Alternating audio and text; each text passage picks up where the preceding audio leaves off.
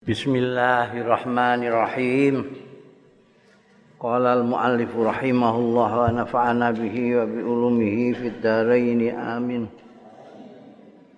An Aisyah radhiyallahu anha saking Sayyidatina Aisyah qalat ngendika sapa Sayyidatina Aisyah kunna ana kita perempuan-perempuan zaman itu Iza asobat tetkalane ngenei ikhdana ing salah satu kita perempuan-perempuan dulu. Akhodat mongko ngalap iya ikhdana biadaiha kelawan tangan lorone ikhdaha. Salasan ambil ambal kaping telu fau korok siha ana ing sak ndure sirahe ihdana ngambil air disiramkan tiga kali ke kepala. Summa ta'khul biyadiha monggo kari-kari ngalap mundut ya ihdana biyadiha kelawan tangane ihdana ala sikkihal aiman ing atase sisi awake sing sebelah tengen rujuke ning ihdahan unahidana kabeh iku. Wa biyadil ukhra lan kelawan tangane sing liya ala sikihal aisal ing atase sisih awake ihdahuna sing kiwa. Dadi sirah dhisik tiga kali terus kanan kiri. Lha iku aturane sunane jenabat nek wajibe pokoke guyurna banyu sekujur tubuh gitu saja. Kesunane kaya wingi wudhu terus sirah tiga kali kanan tiga kali kiri tiga kali. Babu mani salah urianan eh. Ini bab wong sing adus ya man urianan hale udo. Nek ora adus be udo iku Nek nang kamar mandi ya apa-apa nek ning sumur bareng-bareng ngono iku. Gila ni wong. An Abi Hurairah ta saking sahabat Abu Hurairah radhiyallahu anhu. Anin Nabi saking Kanjeng Nabi sallallahu alaihi wasallam. Kala dawuh sapa Kanjeng Nabi sallallahu alaihi wasallam baina Ayyub nalikane utahi Nabi Ayub yahtasilu siram. Ya Ayub siram iku adus dong. Urianan hale udo Fakhor alaihi jarot. Mongko jungkel alaihi ing atase Ayub. Apa jarodun? Walang. Ora sembarang walang. Walang tapi min zahabin saking emas. Masyaallah Faja'ala mongko dadi sapa Ayub Nabi. Ayub yahtasi fi thawbihi mlebokno ha jika dilebokno yahtasi itu. Delikna fi thawbi ing dalem dodote Ayub Fanadahu mongko undang-undang menyeru ing Ayub sapa rabuhu pangerane Ayub Ya Ayub he Ayub. Alam akun ana ta ora ana sapa ingsun? Akhna itu ka teman-teman wis nyugihake sapa ingsun ing sira amma tara saking barang kang ningali sira. Wis paringi kekayaan gitu kok ana walang ngono kok mbok saut mbok lebokno. Hmm. Ola matur sapa Ayub bala inggih ampun panjenengan sugihaken wa izzatika demi keagungan panjenengan.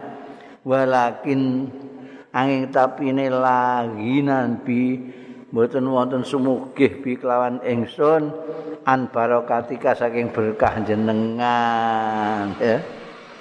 Jadi ora kok kepengin tambah sugih ngono ora nabi ayub itu kok. Wong mesti paringi sugih ngono kok isih ana walang emas kok terus dijiko ae langsung dilebokno sak. delokno kan Gusti Allah jawabe ngono iku.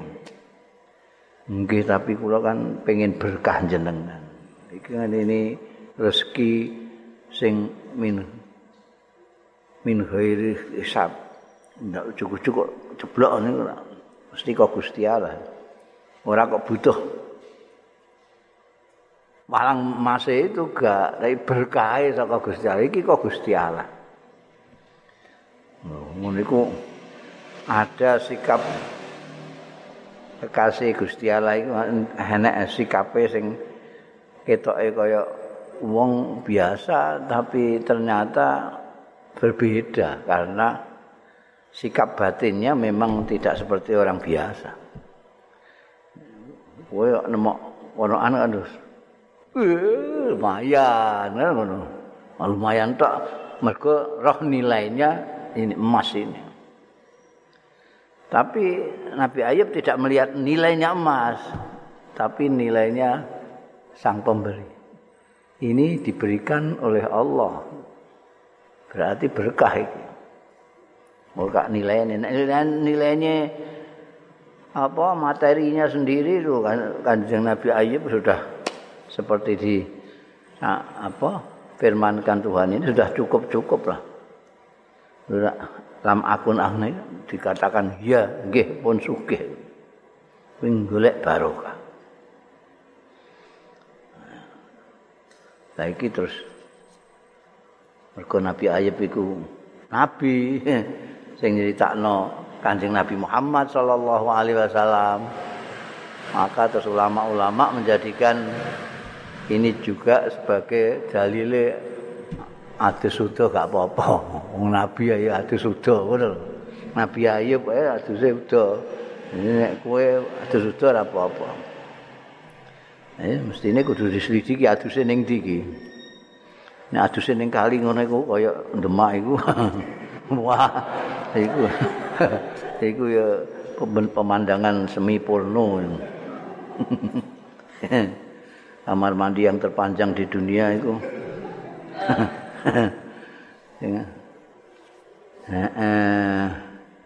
Babul junub nyata wadok wa yanam.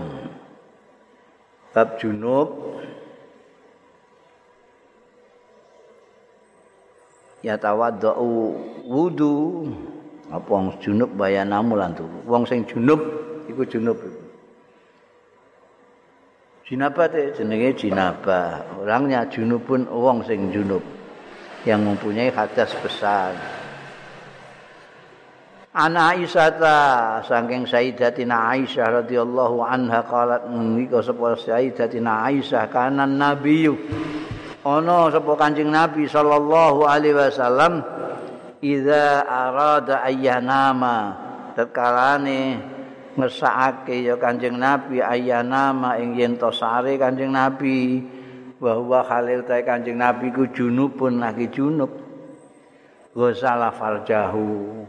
Mongko masuk sapa Kanjeng Nabi sallallahu alaihi wasallam farjahu ing kemaluane Kanjeng Nabi sallallahu alaihi wasallam wa tawaddoa lan wudu Kanjeng Nabi sallallahu alaihi wasallam li salati kaya dene wudu kanggo salat ngono ya. Kan kadang-kadang orang itu ngantuk ya. Wes sesok ae aduse dalam kondisi begitu kanjeng Nabi mencontohkan jadi kan kalau junub kok ingin tidur wudhu seperti yang mau sholat itu baru tidur. Ya. Itu aturannya jadi menunda janabate besok ikut penginit sak durunge turu wudu dhisik. Bunda kala ata dawuh sapa Imam Ata yahtajimul junub. Oleh cantuk ya tajim apa al junub wong junub? Wa yukallimu kan entuk ngetoki sapa wong junub alfarahu ing kuku-kukune. Ngetoki kuku entuk. Wayahliku lan nyukur sapa junub raksahu ing rambute. Asale maknane raks raksu ya sirah tapi sing dimaksud ya rambute. Mosok sirahe mbok cukur. Protol piye? ya. Ya halu ko raksahu. Rambute junub. Wa illam yatawadda senajan ora wudu sapa junub. Jadi oleh itu hal-hal yang boleh dilakukan oleh orang junub meskipun tanpa wudu. nek turu ya wudu se sekedar ngetoki kuku nyukur rambut enggak usah An Abdullah bin Umar saking sahabat Abdullah bin Umar radhiyallahu anhuma. Anau setune Abdullah bin Umar iku kala ngendika sapa Abdullah bin Umar? Zakara nutur sapa Umar bin Khattab. Ramane dene ini tak ramane sebut jenenge ngono Zakara Umar bin Khattab li Rasulillah marang Kanjeng Rasul sallallahu alaihi wasallam annahu satuhune Umar bin Khattab iku tusibuhu ngenai ing Sayyidina Umar bin Khattab apa al janabatu janabat minal lail sange bengi. Faqala lahu mongko dawuh lahu marang Sayyidina Umar sapa Rasulullah Kanjeng Rasul sallallahu alaihi wasallam tawaddo wudu we waksil zakaraka. Lan maswa sira zakaraka ing kemaluanmu sumanam mongko keri-keri turu sira. Nek mau apa informasi dari garwane Kanjeng Nabi Muhammad sallallahu alaihi wasallam Eh, bahwa kancing Nabi itu kalau mau ngesake tidur sebelum junub jan, janabat itu wudhu terus tidur dulu. Informasi ini Sayyidatina Aisyah dan nek sing Abdullah bin Umar ini berdasarkan apa yang dilakukan Sayyidina Umar ketika sowan Kanjeng Nabi menceritakan hal yang sama. Jadi Sayyidina Umar itu junub tapi kepengen tidur dulu maka kanjeng Nabi dawuan persis seperti yang diceritakan Siti Aisyah. Kamu wudhu bersihkan kemaluanmu dan tidur. Ya. Babu idal takol khitanani. Bab tatkalane ketemu apa al khitanani? Pasunatan loro. Sunatan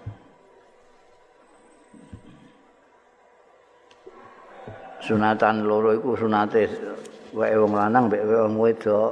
Saiki wong wedok gak tau sunat ya mbah iku. An Abi Hurairah ta sange sahabat Abu Hurairah radhiyallahu anhu. Anin Nabi sange Kanjeng Nabi sallallahu alaihi wasallam. Qala itu bahasa halus jadi anjing Nabi itu sesuai dengan tuntunan Al-Qur'anul Karim itu bahasa halus. Jadi semua kalau kita membaca Al-Qur'an itu tidak ada yang vulgar itu hal-hal yang kita saru menggunakan apa namanya metafora. Pakai majas pakai tamsil pakai ungkapan yang halus kita ini itu ya maksudnya pertemuan dari apa laki-laki perempuan. Dawuhe Kanjeng Nabi sallallahu alaihi wasallam idza jalasa tatkalane lungguh sapa wong baina su'abihal arba antarane bagian-bagian tubuh wong wedok sing papat. Itu kan halus itu.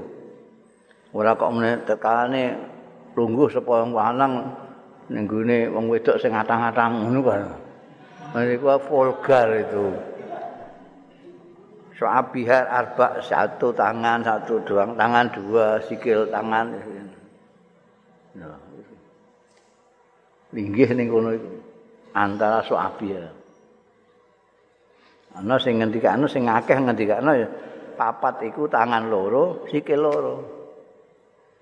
Kowe linggah ning gone sikil lorone bojomu. Iku maksudnya. Maksudnya apa ya? Pahami dhewe. Nek durung paham ya ora apa-apa.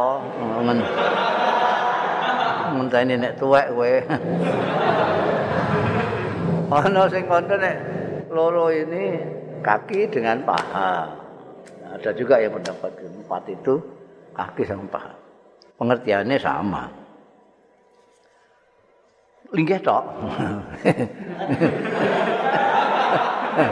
Iki ana terus ya summa jahada, malike summa jahada. Asal maknanya jahada itu anu kenggosan, jahada itu apa dengan susah payah. Jahada. Maksudnya kowe sing gede ya sing ngerti dhewe lah. Fakat wajibal ghuslu. Mongko wajib apa al ghuslu aduh. Jadi kan dari tadi bicarakan soal junub, janabat, junub itu apa sih yang menyebabkan itu? Lalu ini hadis-hadis tentang apa saja yang menyebabkan jinabat, menjadikan orang menjadi junub. Antara lain kamu yang laki-laki itu duduk di antara empat enggak utane bojomu sing wedok. Terus kowe krenggosan. Iku wajib gosok. Lah itu ora kena mbok serekal, wong iku bahasa halus kok. Bahasa bahasa pasemon. Jadi kowe ya sing durung wayahe paham ya ben gak paham. Lho ngono. Bahasa itu memang gitu, bahasa sopan itu begitu. Pakai bahasa yang sing wis wayahe paham saja biar paham. Yang tidak ya biar enggak paham. Engko ben ngenteni nganek ini paham gitu. Makanya ada batasan 17 tahun ke atas ya. 18 tahun ke atas, 21 ke atas. Ini umur-umur pemahaman orang terhadap itu. Jadi nek gak paham ya gak apa-apa. Toh nanti akan paham sendiri. Tapi bahasanya tetap bahasa halus. Oh gak vulgar itu. Kitabul Haid. Bab Haid. Qala Allah Ta'ala dawuh sapa Gusti Allah Ta'ala wa yas'alunaka 'anil mahid qul huwa adza Qul huwa adzan fa'tazilun nisaa fil mahid wa la taqrabuhun wa la taqrabuhun hatta hatta yadhurna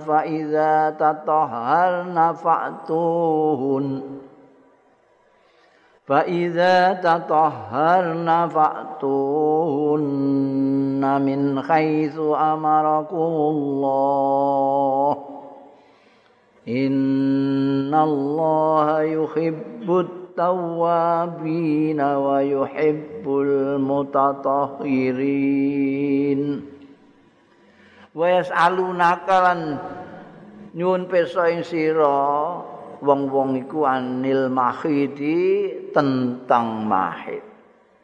Tentang haid kul huwa adza. Dawa sira Muhammad huwa utawi mahid iku azan iku mano azan sesuatu yang ada yang maknani kotor ada yang maknani sakit. Eh, sebetulnya itu adalah suatu yang sakit itu takut nang wedok lara pokak. Pak Tazilun nisa mongko ngedono sira. Pak Tazil iku aja ngumpuli anisa ing bojo-bojomu fil mahid ing dalem wektu haid wala taqrabuhuna lan aja parek-parek sira. Huna ing nisa hatta yadhulna sehingga suci ya nisa Fa in tatahharna mangko tetkalane wis sesuci iya nisa. Faktuhuna nek arep nekani sira ing nisa ya silahkan. Min kaisu amarakumullah saking arahe perintah ing sira kabeh sapa Allah Gusti Allah. Innallaha astune Gusti Allah. Iku yuhibbu demen sapa Gusti Allah at-tawwabin. Ing wong-wong sing bali sing tobat. Wa yuhibbu lan demen sapa Allah al-mutatahhirin ing wong-wong sing padha sesuci ya. Nek wong-wong do takok ya sing takok-takok itu orang-orang sederhana. Mengenai pertanyaannya khat niku napa kanjeng Nabi? Nek ana sing takok ngono jawab ae sederhana. Wa azza ngono ae. Nek mbok terangno kaya keterangane dokter-dokter kandungan ya marai pusing sing takok malah pertanyaan itu kan jawabannya harus bijaksana sesuai dengan pertanyaannya si penanya. Arahnya ke mana pertanyaan itu?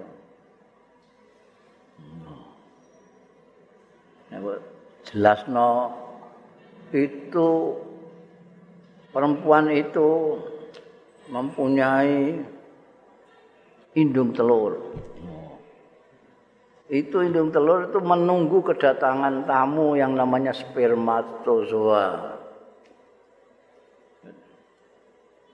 Jadi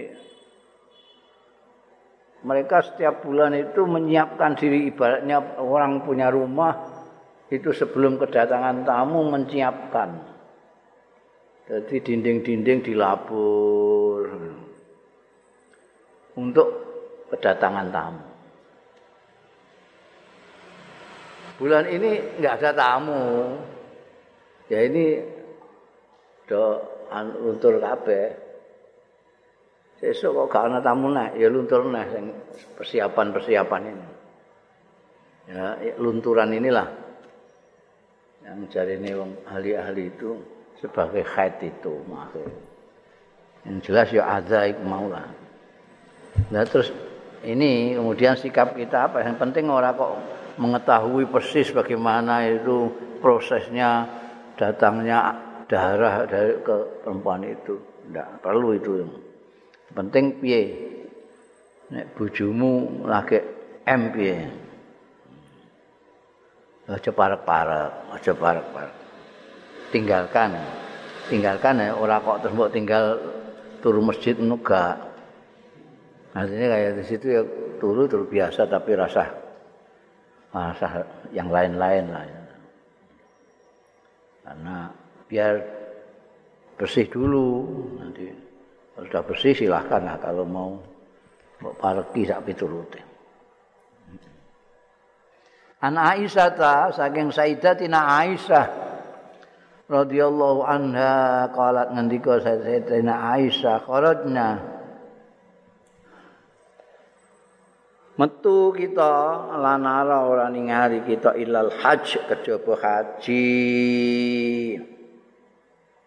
artinya beliau keluar itu hanya khusus untuk haji, bukan untuk melenceng-melenceng. Haji khusus untuk haji. Karena haji itu ada yang haji saja, ada yang haji umroh, ada yang umroh haji. Makanya ono macam-macamnya kaji, ono kaji tamato, kaji kiron, barang itu. Itu karena ikin haji nisik itu ifrat. Engko nek wis selesai, selesai semua haji ini baru umrah. Iku ana. Ana sing sekaligus ya haji ya umrah jadi siji kira. Ana sing haji terus tahallul ngenteni engko nek wis wayahan iku tamattu Nah iki hanya haji, jadi berarti ifrat ini. Sayyidatina Aisyah itu kharajna. Kharajna karena pakai na jadi kita bisa paham bahwa itu beliau tidak sendiri yang ambil kanjeng Rasul sallallahu alaihi wasallam ya. Falamma kunna bisarif bareng ana sapa kita iku bisarifin ana sarif. Sarif itu daerah dekat Mekah situ. Sudah dekat Mekah lah. Khitu dadak M sapa ingsun. aku dan head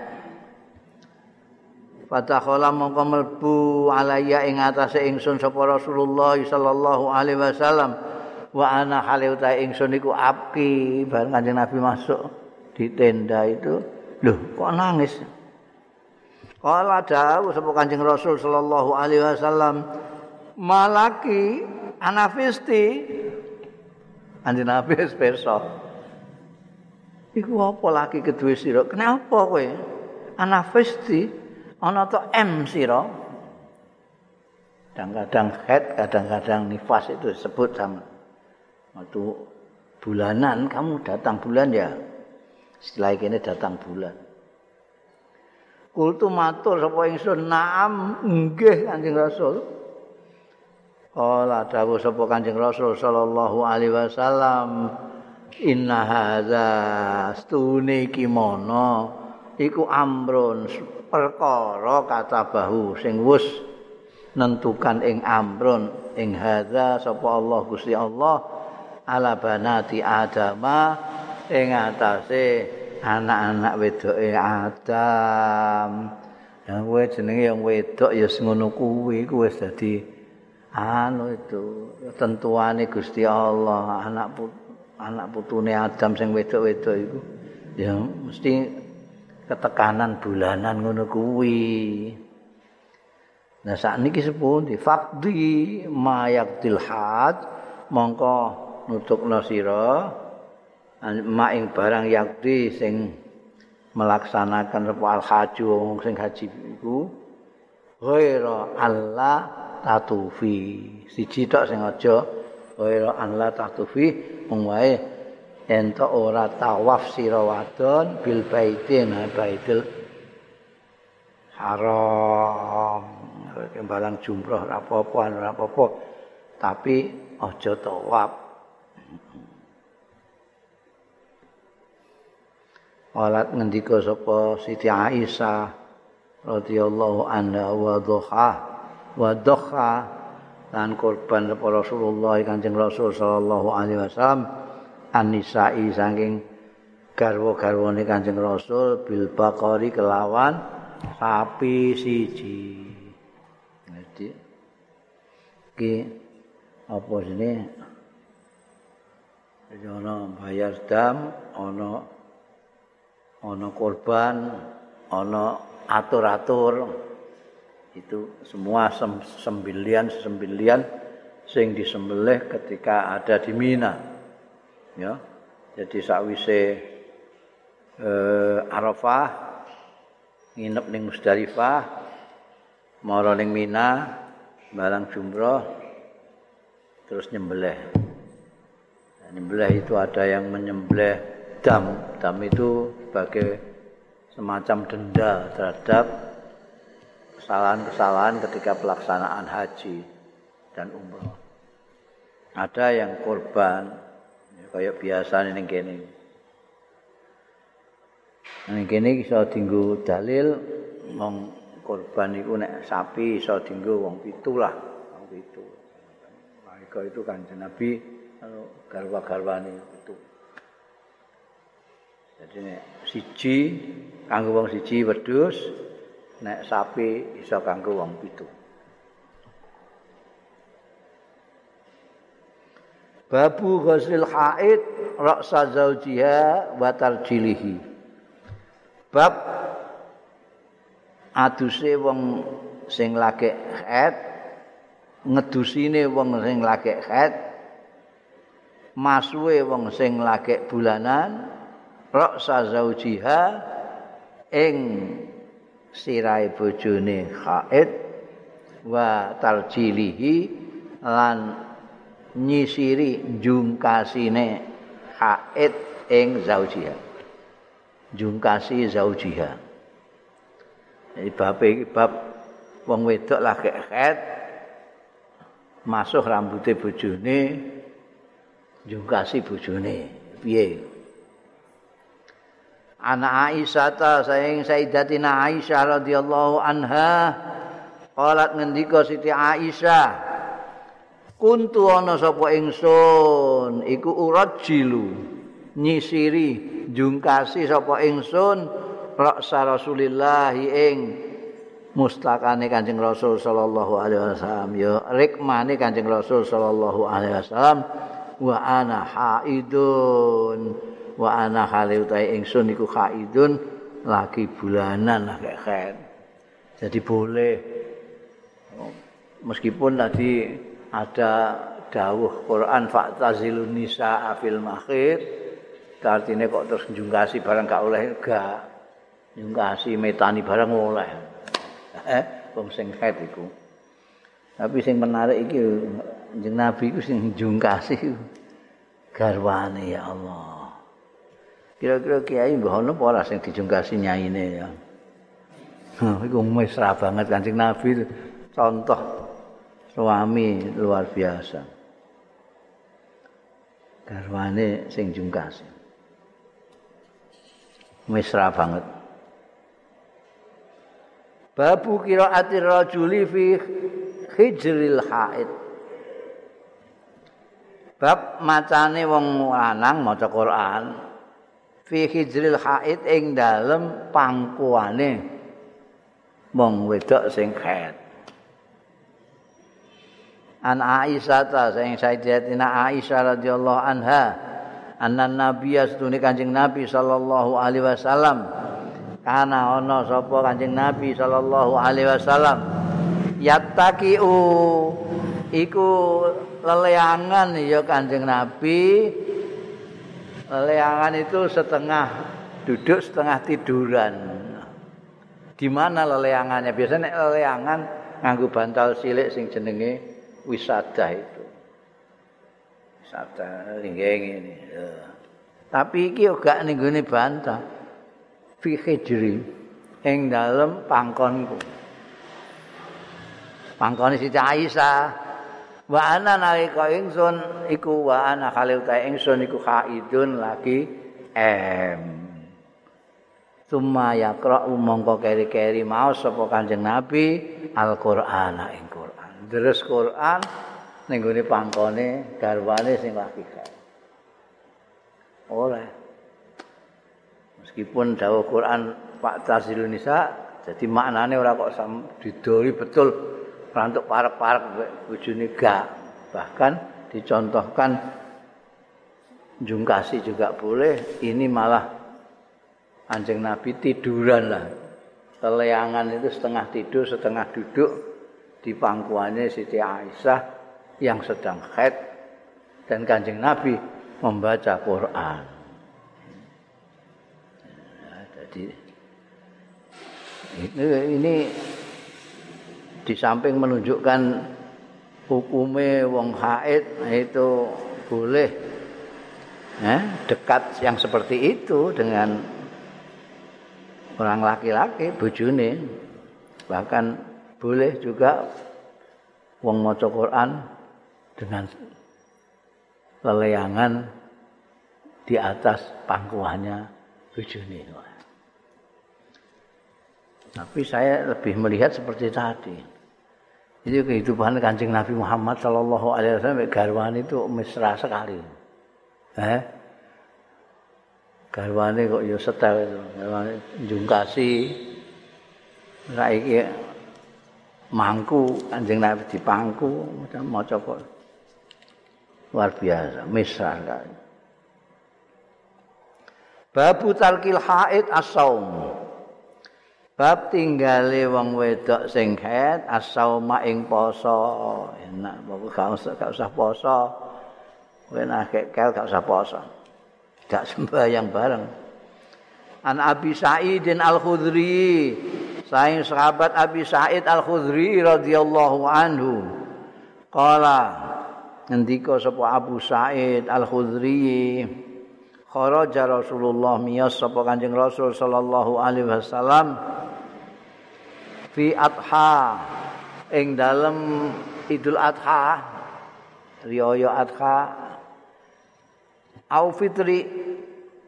Au fitrin yo iki sakun minar rawi iki apa? Idul Adha apa Idul Fitri? Pokoknya id lah. Kanjeng Nabi miyos pada saat Id. Mbah Id Adha, mbah Id Fitri. Ragu-ragu ini ning Adha atau Fitri. miyas ning ndi ilal musalla marang panggonan salat. Pamarra mongko ngliwati ya Kanjeng Nabi sallallahu alaihi wasallam ala nisa'i ing atase wong-wong wadon karo-karone arep salat keluar arep salat Id ngliwati karo-karone Pakola mongko dawuh sapa Kanjeng Nabi ya maksaron nisa. Eh wong wedok-wedok. Tasaddaqna. Do sedekah ya, do sedekah sira. Sedekah. Sedekah iku tolak balak, sedekah do sedekah. Fa inni uritu kunna mongko sedune ingsun iku diweruhna sapa ingsun ing sira kabeh. Diweruhna. Kanjeng Nabi nalika Isra Mi'raj itu diweruhno, ditunjukkan perempuan-perempuan. Mulane dawuh fa ini uritu kunna. Aku itu ditunjukkan kamu sekalian itu. Perempuan-perempuan itu. Aksara ingkang luwih akeh. Aksara ahli nar ingkang luwih akeh-akeh ahli neraka. Tak delok ning neraka iku sing akeh wong wedok. Ngono aku diketokno ning gone neraka iku sing akeh kaummu iku wong-wong wedok Fakulna mongko do matur nisa mateng aku akeh wong wedok. Kenging napa ning babi ya Rasulullah. Lan sebab napa menika ya Rasulullah? Kok ngantos kathah sing teng neraka wedok-wedok Kala dawuh sapa Kanjeng Nabi sallallahu alaihi wasallam soale tuksir nalan. Wae wong wedok-wedok iku akeh nglaknati, senengane nglaknati. Wong sithik-sithik nglaknati. Hmm. Sambil gledek wong lanang ngono iku ngono. Sithik-sithik nglaknati. Wa takfurnal asyir lan ngufuri pergaulan. Artine ambek bojo iku sering. Ngufuriku tergese gak gak syukur ngono gak syukur. Ya hono ya yo bojone ngapiki iku wis masyaallah njaluk ceplek ditukokno. Njaluk gelang ditukokno. Njaluk neh ditukokno. Ngantek gelange tekan sikut Nah, bar ceplek njaluk anting-anting sing kaya roda sepeda ya ditukokno. Tukokno. segala macam ditukokno terus apike ra karuan bojone.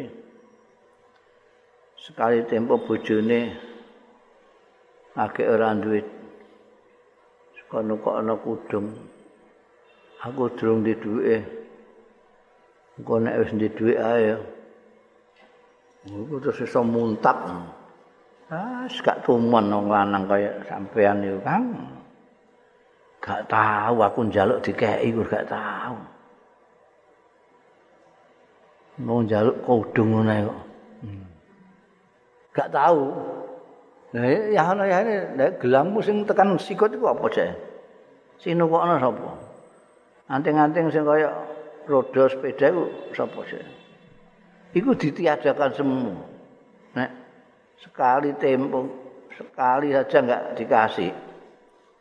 Itu terus muring-muringnya itu kaya-kaya meniadakan semua. Iku takfurnal asyir. Diapii barang itu Iku ora dieling-eling. Sing dieling-eling sing elek to. Ambek bojone. Maro aitu ora ningali ki dawuhe terus dawuhe Kanjeng Nabi. Maro aitu ora ningali sapa ingsun. Minaki sati aklin. Saking wong-wong wedok sing kurang akalin.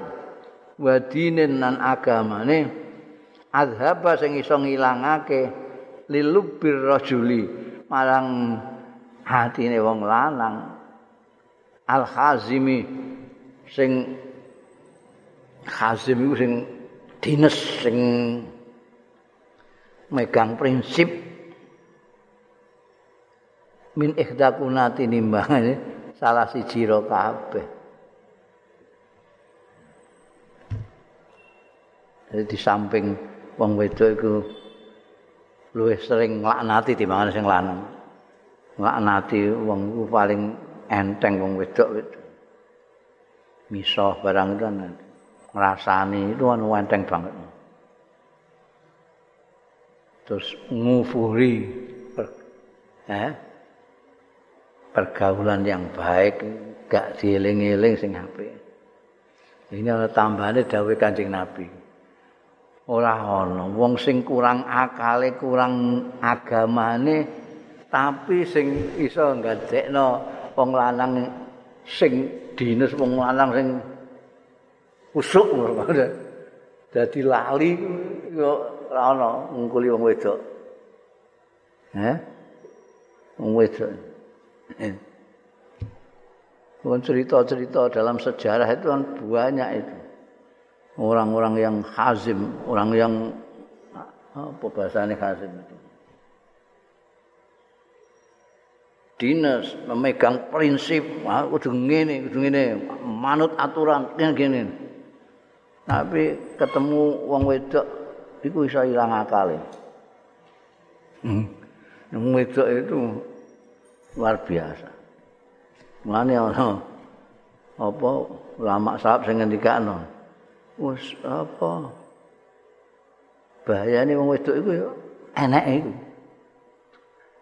bahayane wong wedok iku enake wong wedok iku mergo iso azhaba lubar rajul al hazim nek rajul biasa dapur wis gampang kelewar-kelewar iku sing hazim tenanan iku iso kan wedok Karena itu lalu jumlah perempuan banyak di neraka itu. Sebabnya gitu itu.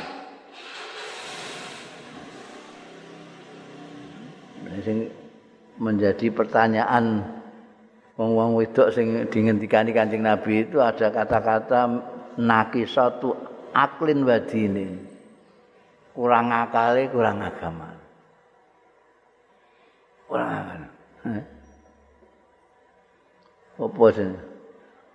apa orang yang paling khusuk paling dinas paling apa mau memegang prinsip kaya Nabi Yusuf oh mah tergoda karo Zulaikha Zulaikha itu luar biasa bareng ana tembung nakis satu aklin wadinin matur wong wedok-wedok. Kulna, matur wong wedok-wedok. Wa manuksanu dinina. Oh. Napa Kanjeng Nabi? Kurangi agama kita niku napa? Wa aklinalan akal kita kurang niku napa ya Rasulullah, do Kanjeng Rasul. Kita kok kirang agama, kirang akal niku sepundi? Kala dawuh sapa Kanjeng Nabi sallallahu alaihi wasallam. Alaisa syahadatul mar'ati mitla nisfi syahadatir rajul ana ta ora ana apa syahadatul mar'ati? Persaksiane wong wedok iku misla nisfi syahadatir rajul separone persaksiane wong lanang. Kulna matur sapa nisa mau? Balang nggih kala dawuh sapa Kanjeng Nabi sallallahu alaihi wasallam fadzalika min nuksani akliha mongko kaya mengkono-mengkono mau mergo min nuksani akliha saking dene kurange akale mar'a apa-apa no lho aja mbok anu oh, niku luwih pinter kiambake niku dadi menteri barang Aja mbok jiku istak-istak iki wong bicara umum tentang perempuan, umumnya perempuan. Jadi umumnya perempuan mulane ketentuan nek wong lanang saksi loro, wong wedok gak cukup loro.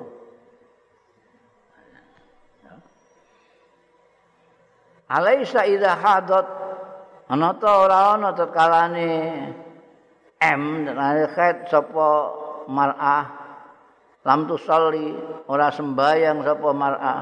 Walam tasum lan ora poso ya mar'ah. Kulna bala nggih kanjeng nabi ora dawuh sapa kanjeng rasul sallallahu alaihi wasallam Fadzalika mengko mengkono-mengkono mau min nuksani diniha saking kurange agamane nisa. Jadi tapi ki aja mau jadikan justifikasi nek wong lanang lebih hebat dari perempuan ndak. Ndak bisa. Yang menunjukkan saja bahwa perempuan secara fitri, secara takdir Gusti Allah dikesakno ngono kuwi. Karena dia mengalami bulanan, maka setiap haid itu bulanan dia tidak puasa, tidak sembahyang.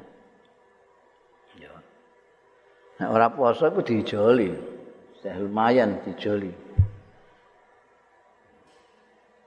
Sing wong wedok-wedok sing anu ya, sing taat sing ora ya ben ngono. Digabung ngono. Tapi nek sing salat iku ora. Ora ora dijoli. Jadi kurang. Perbandingannya mbek wong lanang soalnya. Wong lanang itu genep raulan, wong itu ora genep.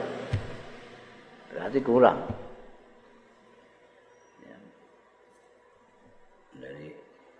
Ini yang seringkali wong lanang-lanang itu salah paham dengan hadis ini. Terus nyepelekno ning gone wong wedok dik wong wedok itu lho dianggap eh ndak sepandai orang laki-laki. Ndak. Maksudnya maksudno iku ketentuan syariat saksi menean jadi itu manut aturan itu nek dadi saksi nek wong lanang ora cukup wong wedok ora cukup itu ketentuan. Cari bukan semua orang lalu mesti kalah mbek wong lanang gak bisa nek sing wedok ngalim pinter. Sing lanang ora bisa saja. Saiki pirang-pirang wong lanang mau nggawakno tase sing wedok tok Hmm. Ngawak notas Kadang-kadang disentak-sentak sing lanang. Wong lanang aja melok-melok geneman ngono. Biasane wong wedok sing disentak. Wong wedok aja melok-melok ngono. Iki gak sing lanang sing disentak. No aku tahu anak wong nemoni aku sing lanang melok geneman disentak. Rasa melok-melok wong lanang. Jadi apa namanya ini jangan menjadi justifikasi orang laki-laki lebih hebat. Mau ngandak nek perempuan secara fitrah memang apa namanya tidak bisa sempurna. Penglanang di dalam poso di dalam eh, sembahyang. Karena memang nyatanya begitu ada halangan itu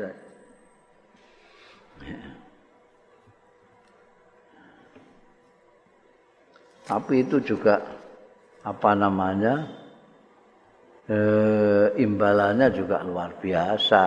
Kalau perempuan-perempuan itu ngerti maka imbalannya sampai nggak ada. Orang mengatakan al jannatu tahta apa abdamil aba ini gak on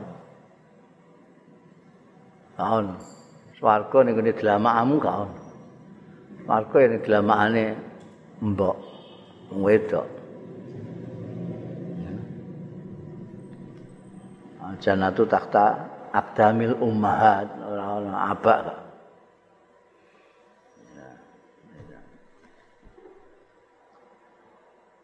Atibu lil mar'ati inda ghusliha minal khayr.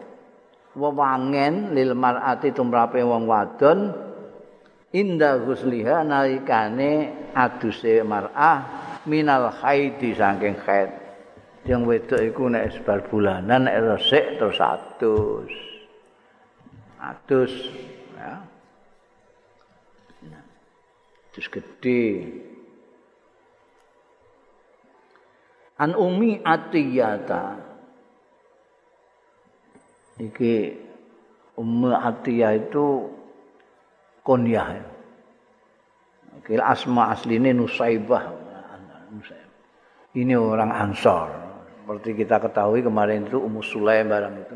Orang ansor itu punya ciri-ciri berani. Karena itu banyak untuk fakih-fakih perempuan itu dari Ansor itu banyak. Di samping Ummu Sulaim, Ummu Atiyah ini juga disebut fakih, seorang ahli agama dari kalangan perempuan. Bukan itu, saja, Ummu Atiyah ini sering ikut perang. Mau kendelir. Tidak kurang dari tujuh kali ikut perang Kanjeng Rasul Sallallahu Alaihi Wasallam. kaya saiki ngono iku apa mempersiapkan ngisi memberikan amunisi membawakan bekal logistik peperangan. Nambah ini sing tatu sak piturute. Ini umum mati ya.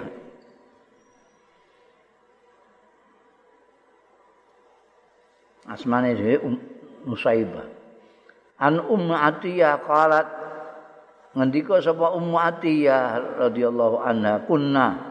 Ana sapa kita iku nunha dilarang tidak boleh.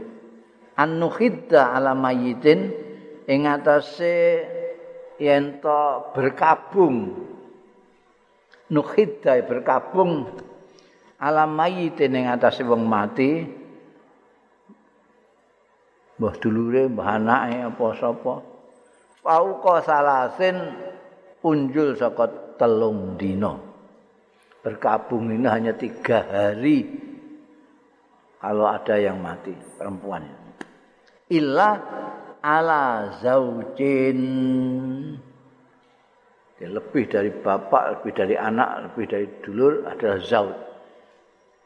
Mereka ini dingendikawe illa ala zaujin kejaba ing atase bojo. Nek bojo arba'ata ashurin wa asran. Boleh berkabung sampai empat bulan sepuluh hari. Wala naktakhila an ora celaan kita. Ini kalau berkabung itu ini. Bentuknya berkabung ini tidak celaan. Wala termasuk celaan ya lipstikan barang itu. wala natatayyaba nan ora wangen-wangen kita tidak menggunakan parfum wala nalbasa sauban lan ora nganggo kita sauban ing dodot masbuhon sing berwarna sing diwarnai illa sauba asbin kejaba pakaian asb pakaian asbin itu pakaian dari Yaman sing pewarnaannya itu melalui benangnya saat ditenun. Benang itu diwarnai dulu, sing abang, sing hijau, baru ditenun. Kayak kene menawa kayak sarung. Tapi kalau Mas Bukhon dari asli itu kayak bisa kayak kambi-kambi berwarna itu, kayak batik barang itu. Nek sauba asbin boleh. Waqat ruh kisalana, teman-teman dikai kemurahan lana kedua kita indat tuhri nalikane suci. Idah tasal, idah tasalat nalikane adus sapa ihdana salah satu kita perempuan ini min mahidia saking khete ihdana binubzatin saking sedikit sebagian ming kasti alfarin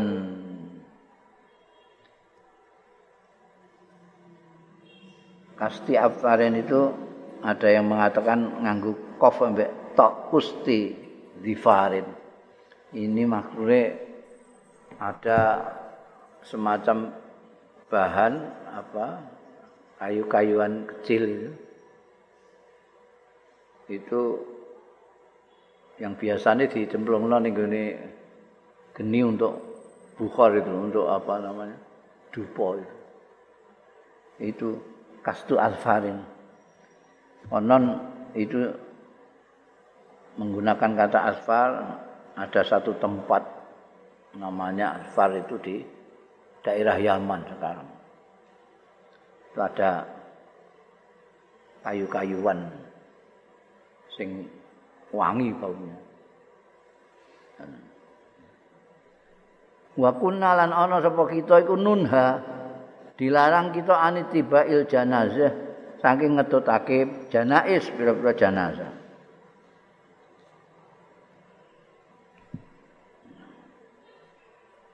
Kau nek ning gone kowe nek umrah engko utawa haji ning gone bakul siwa, bakul anu kok ana sing dodol celak terus dodol minyak ning nanti temitem itu. Itu ada yang dari Gustul Asfarin ini. Wangi-wangi piye.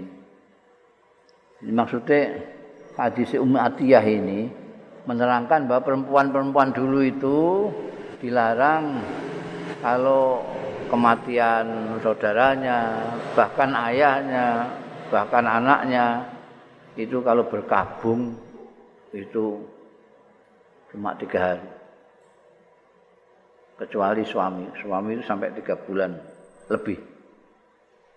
Tiga bulan empat puluh hari, empat puluh hari. Berkabung itu, hidat itu orang tidak jungkasan pokoknya gak berpaes lah. Orang pepaes. Ya pakaian ya pakaian biasa itu aja orang tahu pakaian saya nganyar lah pepaes nganggu wedaan ya ora. Nganggu lipstick ora. Nganggu celak ya ora. Wis pokoknya eh? wangen ya ora. Nganggu pakaian sing biasa-biasa dinggo arisan dinggo ngantenan barang gak oleh itu jenenge hidat berkabung yang dikecualikan di situ nganggo wewangen ketika perempuan itu perempuan yang sedang berkabung itu bersih dari head mau mandi terus memakai wangi-wangian untuk membersihkan labet-labet darah itu biasanya perempuan-perempuan ya, itu menggunakan semacam wewangian gitu. Jadi dia tidak hanya bersih nanti itu tapi juga wangi sudah tidak ada lapet-lapet bau darah segala macam tidak ada. Nah itu perempuan itu sedang hidat, sedang berkabung pun boleh. Kalau itu dikecualikan.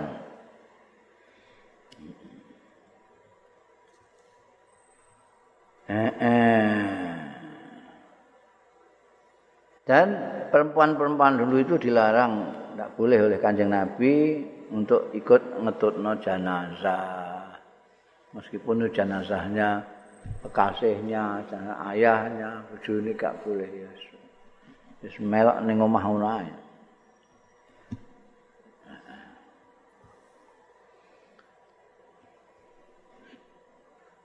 Babu mukhallaqah wa ghairu mukhallaqah Allah.